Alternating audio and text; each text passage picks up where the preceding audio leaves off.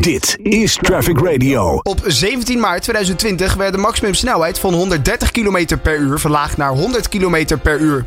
Deze regel werd genomen om de stikstofcrisis tegen te gaan, want juist deze aanpassing was volgens het kabinet genoeg om weer te mogen bouwen. Een erg belangrijke stap dus in de woningmarktcrisis.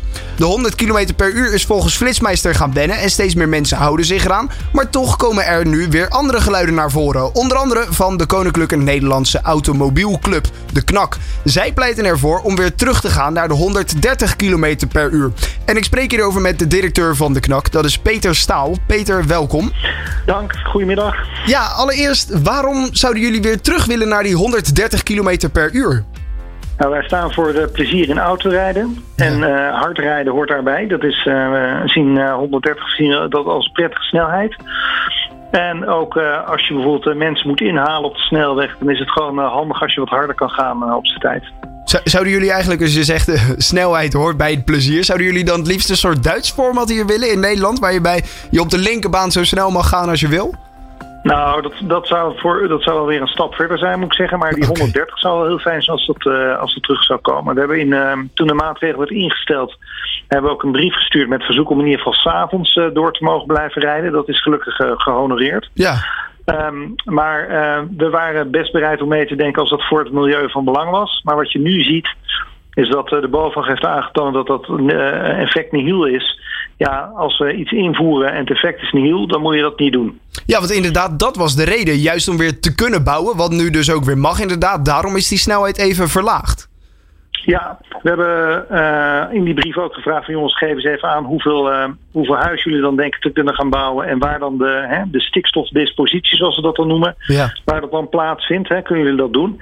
Nou, op dat gedeelte hebben we nooit een antwoord uh, gehad. Dus dat is, dat is jammer. Wat we wel vinden is dat bijvoorbeeld op plekken waar uh, bijvoorbeeld de leefbaarheid in het geding is, bijvoorbeeld bij grote steden, je hebt ook een heleboel steden, daar loopt de snelweg bijna doorheen of er dicht omheen. Mm -hmm. Dat je daar je snelheid aanpast, dat is prima. Maar op de plekken waar het uh, kan, willen we graag lekker rijden. Ja, je noemde net inderdaad ook al even de BOVAG. Uh, die, die staan deels aan jullie zijde. Toch heb ik vandaag ook even met de BOVAG gebeld. En zij zeggen, het bouwen gaat volgens ons wel voor die 130 km per uur. Dus zij zeggen, we hebben liever dat uh, het bouwen door kan gaan... dan dat iedereen 130 km per uur mag rijden. Hoe, hoe staan jullie daarin? Nou, we hebben aangegeven dat we snappen dat als er maatregelen nodig zijn, dat die ook moeten worden genomen. Maar als nou blijkt dat die maatregel met de auto, en we zijn zo'n beetje de enige maatregel die is doorgevoerd, als dat het enige is wat zo'n beetje wordt gedaan en de, rest hoeft niemand wat bij te dragen. En die bijdrage is, ik meen, ergens gelezen te hebben 0,1 procent. Ja, weet je, dan zitten we, zijn we elkaar voor de gek aan het houden. Dan heeft die maatregel geen enkele zin. Draagt ook niet bij aan het bouwen en dan moet je hem gewoon schrappen. En dan zien jullie liever dat het kabinet op een andere manier die stikstof omlaag gaat brengen. Ik noem maar wat bijvoorbeeld uh, bij de boeren bijvoorbeeld.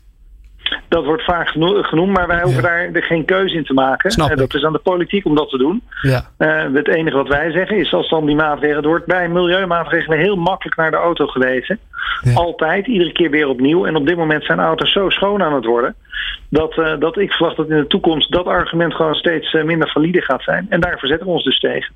Ja, jullie hebben ook een kleine meerderheid. En jullie zeiden, het Centraal Bureau voor de Statistiek is vandaag met een uh, uh, nou ja, onderzoek naar buiten gekomen. 3600 Nederlanders hebben ze ondervraagd. En 52% daarvan wil af van de snelheidsbeperking overdag van 100 km per uur. Kortom, er zijn, de meerderheid van de mensen staan aan jullie kant.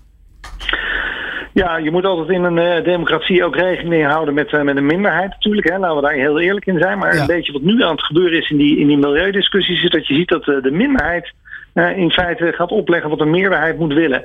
Nou, dat zou nog enigszins verdedigbaar zijn als, als dat inderdaad hele grote milieuvoordelen zou brengen. Maar die zijn er dus gewoon niet.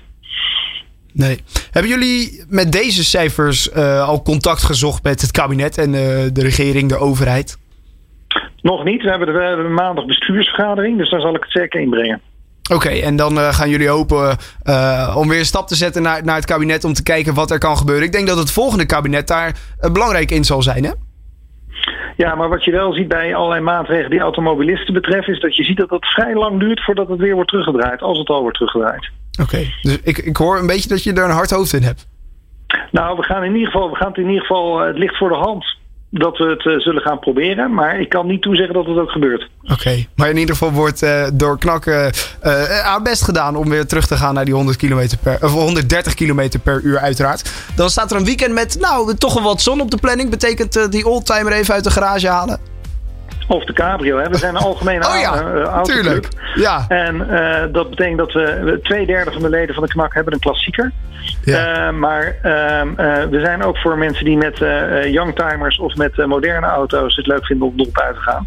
Dus ja, het is, een, het is een prachtig weekend om mooie dingen te kunnen gaan doen. Dat belooft inderdaad veel goed. Nou, ik wens je enorm veel autoplezier dit weekend, Peter Staal. En bedankt voor je tijd en toelichtingen. Graag gedaan. Always on the road. Traffic Radio.